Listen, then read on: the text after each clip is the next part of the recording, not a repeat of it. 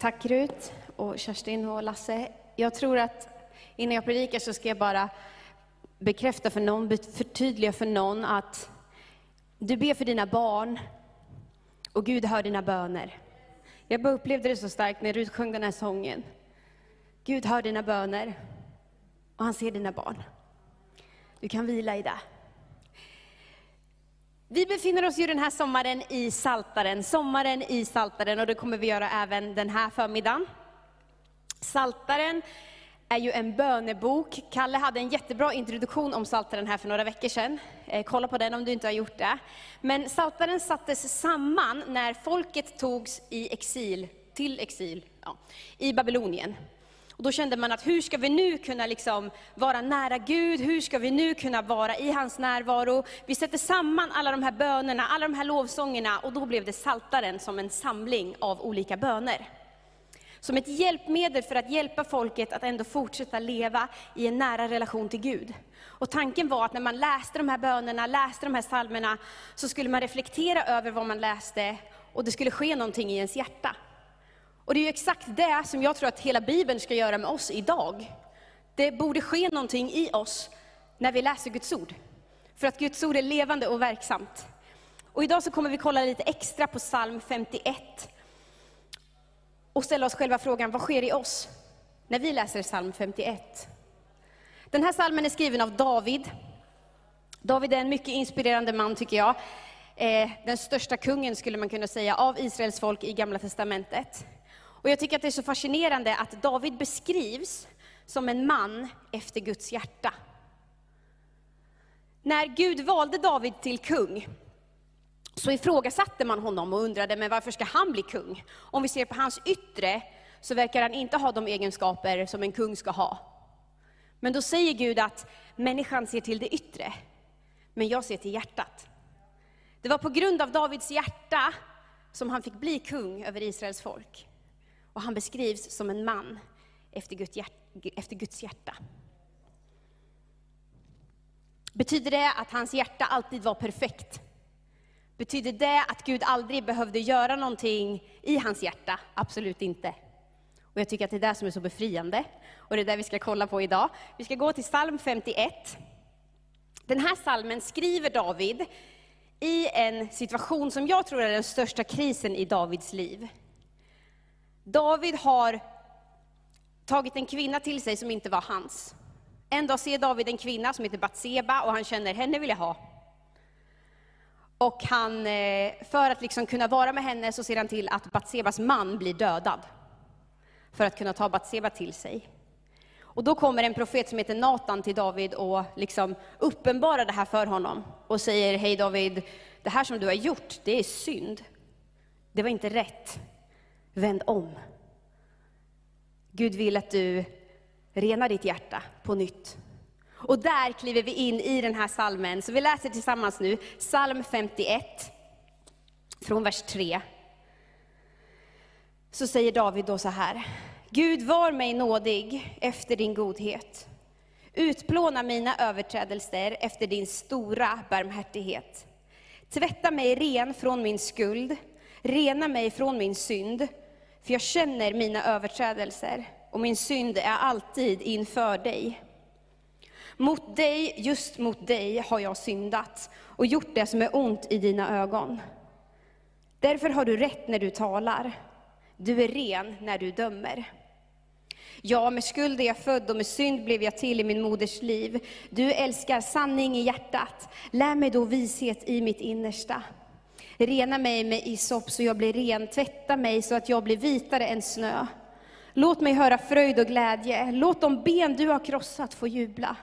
Vänd bort ditt ansikte från min synd, utplåna all min skuld. Skapa i mig, Gud, ett rent hjärta och ge mig på nytt en frimodig ande. Förkasta mig inte från ditt ansikte och ta inte din heliga ande ifrån mig. Låt mig åter få glädjas över din frälsning och håll mig uppe med en villig ande.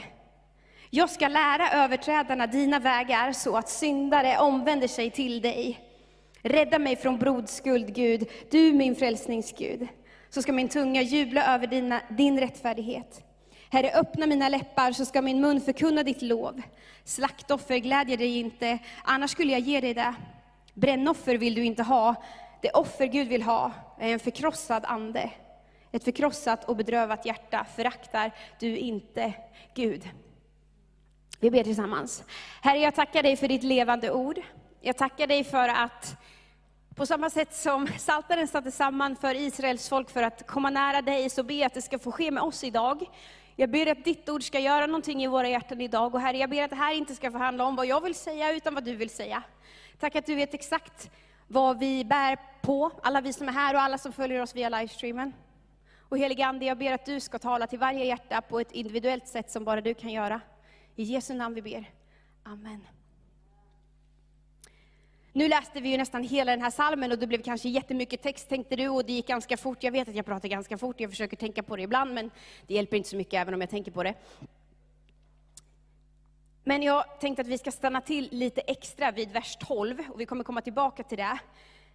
Men här liksom, det är ju en jätte, jättelång bekännelse bara, de första typ 6-10 verserna, något sånt där, är där David bara uttrycker, Gud, min synd är så stor. Jag har gjort så fel. Det är som att han har blivit så otroligt medveten om att det finns synd i hans liv. Och ibland så tror jag att du och jag på samma sätt behöver bli medvetna om synd i våra liv. Jag kommer prata en del om synd idag. Vi pratar inte så mycket om synd längre. Är det för att synden inte finns? Nej.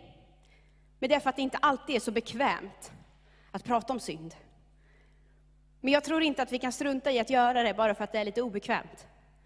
Jag tror att det är viktigare att vi gör det, just för att det är lite obekvämt. Är vi medvetna om synden i våra liv? Kanske är det så att Gud behöver ta oss till den här platsen som han tog David till. Där David förstår, okej okay, Gud, det här var inte rätt. Hjälp mig att börja om. Ge mig ett rent hjärta och börja din, din process i mitt liv än en gång. Synd har ju blivit, tror jag, ett så otroligt laddat ord, just ordet synd. Och när vi säger synd så tänker vi bara på de här enormt stora grejerna. Vi har väldigt lätt för att, säger man degradera? Kan man säga så? Ja, det är bra ni använder ord som jag inte kan. Vi har väldigt lätt för att tycka att det här är inte så farlig synd, och sen så finns det väldigt, väldigt farliga, eller vad säger man, illa synder. Vi som människor har väldigt lätt för att göra skillnad på olika synder. Bibeln gör inte det. Bibeln säger att det finns synd och så finns det helighet. Det som inte är synd, det som är motsatsen. Och jag menar inte idag att vi liksom ska gå och peka ut varandra på det här är synden i ditt liv, hör du. Utan det handlar om att du ska tala till ditt eget hjärta. Att du ska vara ärlig mot dig själv. Och se, finns det någonting i mitt liv som Gud inte vill ha där? Låt oss avdramatisera ordet synd. För att synden är inte ett problem för Gud. Men den är ett problem när du och jag inte tar tag i den. Och jag tror att vi har lätt för att behandla det här med synd på, på två sätt. Eh, det är liksom två diken. Antingen så hamnar vi i det här att vi hela tiden går och känner oss syndiga, aldrig förlåtna, vi tror att vi aldrig riktigt räcker till, och vi tänker liksom att, jo men jag har ju bett om förlåtelse, men jag är nog inte riktigt förlåten. Antingen så hamnar vi där, eller så hamnar vi i det här andra diket, där det blir så här, nej men det var inte så farligt. Jag skadar ju i alla fall ingen annan. Det här är ju bara mitt problem, som ingen annan vet om. Många andra gör ju samma sak som jag. Varför skulle det här vara så farligt? Ingen av de här dikena är bra. Om vi befinner oss där eller där så behöver vi komma till den platsen som David kom till. Det vill säga, Gud förlåt mig min synd. Rena mitt hjärta på nytt. Hur blir man medveten om synden i sitt liv då? Det blir man genom att vara i Guds närvaro. För Gud är helig, det betyder att Gud är fläckfri, det finns ingen synd i Gud.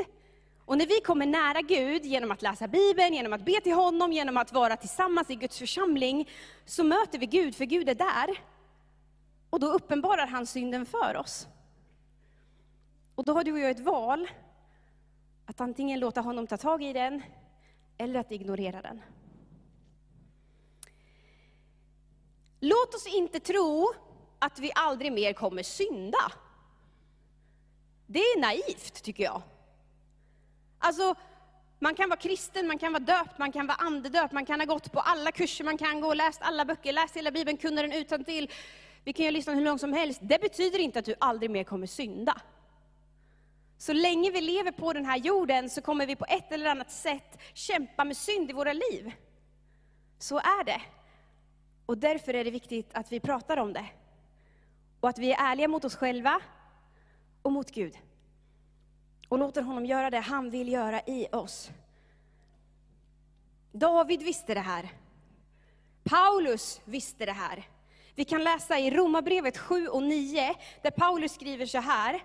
Det goda jag vill, det gör jag inte, men det onda som jag inte vill, det gör jag. Paulus kämpade med synd. Han drogs åt att göra det som han egentligen visste inte var det rätta för honom. Det är inte konstigt om du och jag ibland känner att vi dras åt att göra det som inte är det bästa för oss. Som inte för oss närmare Gud, utan tvärtom. Den enda som kunde stå emot varenda frestelse som kom emot honom, det var Jesus själv. Det tycker jag är otroligt befriande. Det är ganska skönt. Jesus var den enda som stod emot alla frestelser.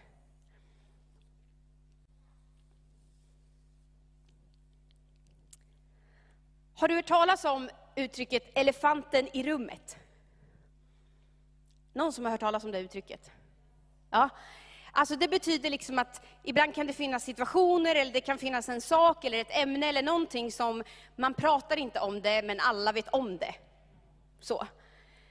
Det kan vara en svår familjesituation till exempel, där en person har gjort någonting speciellt, och när man träffas allihopa som familj, så alla vet om det där jobbiga, men man pratar bara inte om det. Massa olika saker kan det vara. Jag tror att Gud är sån, att när det finns en elefant i rummet, då pekar han alltid på den.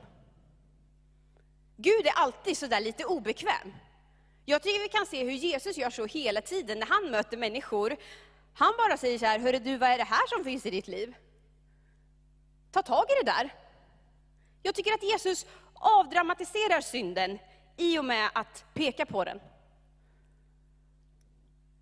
Gud pekar alltid på synden i våra liv. Det är det som sker när vi kommer nära Gud, för att han är helig, precis som jag sa. Men det viktiga är att Gud gör aldrig det för att döma dig och mig, utan för att vi ska få bli fria ifrån synden. Det är det som är grejen. Gud pekar på de här sakerna för att vi ska kunna bli fria ifrån dem. Inte för att döma dig för att du ska känna dig dålig och misslyckad.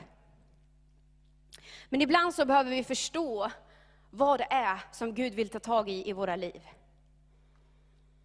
Här i veckan så satt jag och zappade på TVn, och så zappade jag förbi det här programmet Lyxfällan. Någon som har sett Lyxfällan? Där får människor hjälp med sina ekonomiska problem. Och den första halvan av det här programmet, det går ut på att bara få de här människorna att fatta hur otroligt dåligt det är i deras ekonomi. De börjar med att måla upp en, de gör en budgettavla där de beskriver, så här och så här ser din ekonomi ut idag. Det här är din inkomst och det här är dina utgifter. Och ofta så, det stämmer ju aldrig, utan man kanske har så här 20 000 i inkomst och sen har man så här 45 000 i utgifter. Så bara, du går back 25 000 varje månad. Och så hela så här, en halvtimme av programmet går ut på att de bara måste förstå hur illa deras situation är. Och sen får de ett val. Vill du förändra din situation? Vill du ha våran hjälp? Det är exakt det där ögonblicket, tror jag, som vi möter David i när han skriver vers 51. Han har förstått hur illa hans situation är. Och då har han ett val, att antingen be Gud om hjälp, eller att fortsätta precis som vanligt. Att bara ignorera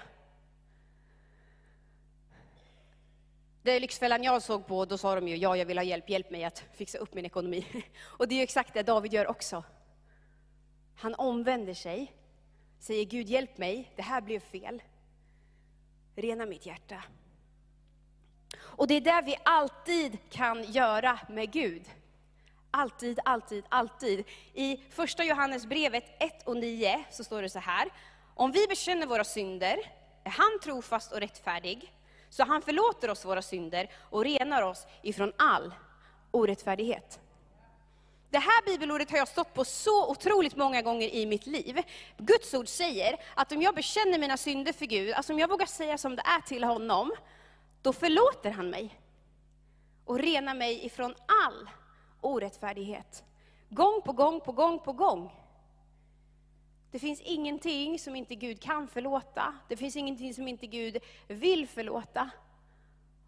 Och just därför så behöver han ibland peka på saker i våra liv, för att vi inte ska leva med bördan av det där som har blivit fel. Utan kunna visa det för Gud, be om förlåtelse och gå fria ifrån det. Och det David då ber, när han har kommit till den här insikten, det är i vers 12, 51, vers 12.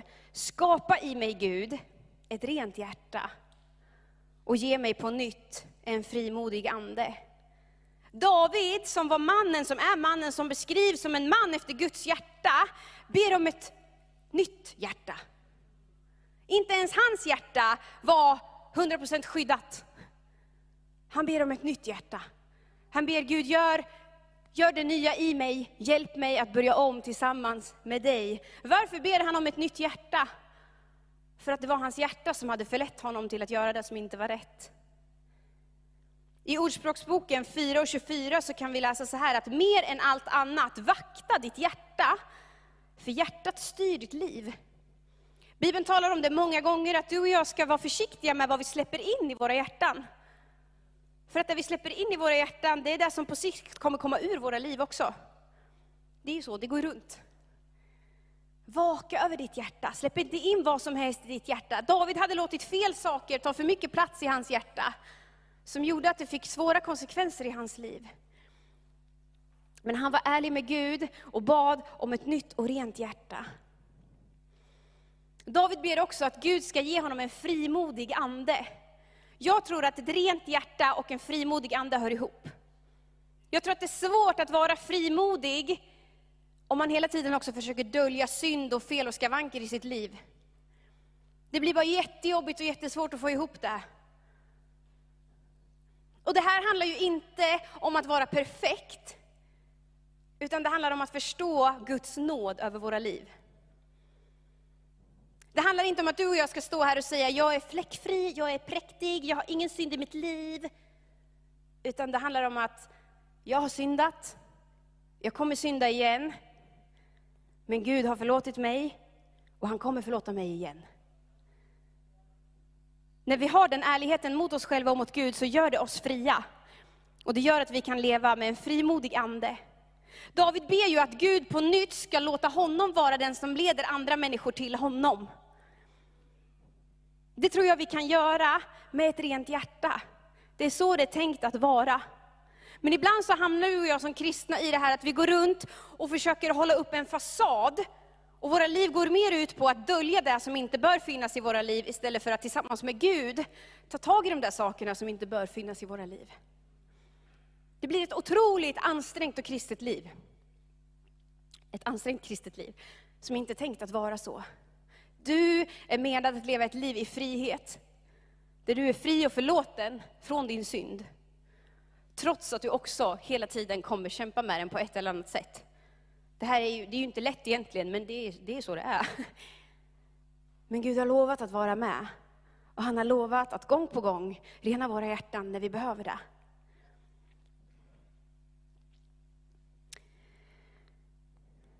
Det handlar om att jag inte behöver vara perfekt, men jag vet att det Jesus har gjort för dig och mig är nog. Det räcker alltid till. Nåden räcker för dig. Nåden räcker för mig. Det står till och med i Bibeln att när vi har bett Gud om förlåtelse, det står i Jesaja 43, då stryker han ut våra överträdelser och glömmer bort dem. Gud kommer inte ens ihåg våra synder när vi har bett honom om förlåtelse om dem. Däremot så har du och jag ibland väldigt svårt att glömma, att gå vidare, att släppa taget. Det är som att vi ibland påminner Gud om våra synder som han har glömt. Gud, förlåt mig för det där igen. Du har bett om förlåtelse, tror jag Gud säger till dig. Jag har förlåtit dig. Gå vidare. Lev i frihet. Nåden är nog för dig. Nåden är nog. Låt inte dina gamla snedsteg hålla dig tillbaka, utan förstå att nåden är nog för dig den här förmiddagen. Oavsett vad du har gjort, så är nåden nog för dig. Om nåden var nog för David, utifrån vad han hade gjort, då är den nog för dig. Kanske är det också så att det finns någon här inne, eller någon som lyssnar på det här, som behöver höra att det här kommer låta hårt, okej, okay? men jag ska förklara vad jag menar. Sluta missbruka nåden nu. När jag gick på teamträningsskolan, det är en bibelskola som är en ledarskapsutbildning som, som på sikt ledde mig till att börja jobba i församling. Så under mitt första år där så hade jag väldigt svårt att liksom, jag hade levt ett helt annat liv innan. Och så började jag på bibelskola, men jag hade liksom väldigt svårt att sluta med vissa saker som verkligen inte drog mig närmare Gud. Jag umgicks med människor som drog mig åt helt fel håll. Och jag liksom försökte parera mellan de här två världarna hela tiden. En dag så frågade min handledare mig, min, min mentor, min, liksom, min ungdomspastor, han sa så här till mig, Malin, vem vill du följa? Då sa jag, men jag vill gå med Jesus. Då sa han så här, då är det dags att sluta surfa på nåden nu. Det är dags för dig att sluta missbruka nåden. Det är ju jättehårt. Men för mig var det exakt vad jag behövde höra. För jag hade fastnat i ett mönster där jag på något sätt så här, jag gjorde på fredagen det jag inte visste var bra för mig. Jag bad om förlåtelse på söndagen när jag kom till kyrkan och så levde jag i den där liksom, loopen. Och jag behövde höra Malin, hej nu behöver du bestämma dig. Nåden kommer alltid vara nog. Gud kommer alltid fortsätta förlåta. Men nu är det dags för dig att sluta missbruka den. Jag behövde höra det. Kanske behöver du höra det idag. Det vet inte jag, men var ärlig mot dig själv, mot ditt eget hjärta. Låt Gud idag skapa ett rent hjärta i dig, om du behöver det. Alldeles strax här nu så kommer Rut och teamet här leda oss i en, i en lovsång som går så här, rena mig med elden från din ande. Rena mig och gör mig mer lik dig. Och jag tror att det är exakt det som Gud vill göra idag. Kommer ni ihåg vad jag sa? Att när vi är i Guds närvaro, då kommer hans heliga Ande att uppenbara för oss om det finns saker i ditt liv. Det handlar inte om att du den här förmiddagen ska så här leta, jo men det finns nog en gömd synd i mitt liv. Men var bara ärlig. Helige Ande, finns det någonting idag som du vill att jag tar tag i? Som jag ska be om förlåtelse för? Och då pekar Gud på det där för att du ska kunna be om förlåtelse och gå härifrån i frihet idag. Inte för att döma dig, utan för att du ska leva i frihet. För att vi, på samma sätt som David, ska kunna beskrivas som män och kvinnor efter Guds hjärta. Vill man inte beskrivas som det? Tänk, om man skulle beskriva mig så. Det önskar jag. Hon, var, hon är en kvinna efter Guds hjärta. Det handlar om att ha ett ärligt hjärta. Ett uppriktigt hjärta. Där vi vågar ta tag i de sakerna som Gud vill ta tag i i våra liv. Och det ska vi helt enkelt ge tillfälle för nu under en liten stund. Låt den här sången få bli en, en stund där Gud får visa för dig vad som finns i ditt hjärta. Och om han pekar på någonting som han vill rena dig ifrån idag, så kom ihåg vad jag sa i första Johannes 1 och 9. Om vi bekänner våra synder är han trofast och rättfärdig och renar oss ifrån all orättfärdighet. Han förlåter oss alltid. Nåden räcker för dig idag. Vi ber tillsammans. Herre, jag tackar dig för din nåd. Jag tackar dig för din trofasthet. Jag tackar dig för att du är helig. Herre, jag tackar dig för att du pekar på saker i våra liv, inte för att döma oss, utan för att du vill göra oss fria, för att du vill göra oss rena, för att du vill att vi ska kunna leva frimodiga liv tillsammans med dig, Herre Jesus. Herre, nu ger vi bara liksom de här kommande minuterna till dig och säger, Herre, visa oss. Vad finns i våra hjärtan? Hjälp oss att vara modiga med det vi behöver ta tag i idag. Och jag tackar dig för att du, Jesus, är här med din nåd, din förlåtelse. I Jesu namn. Amen.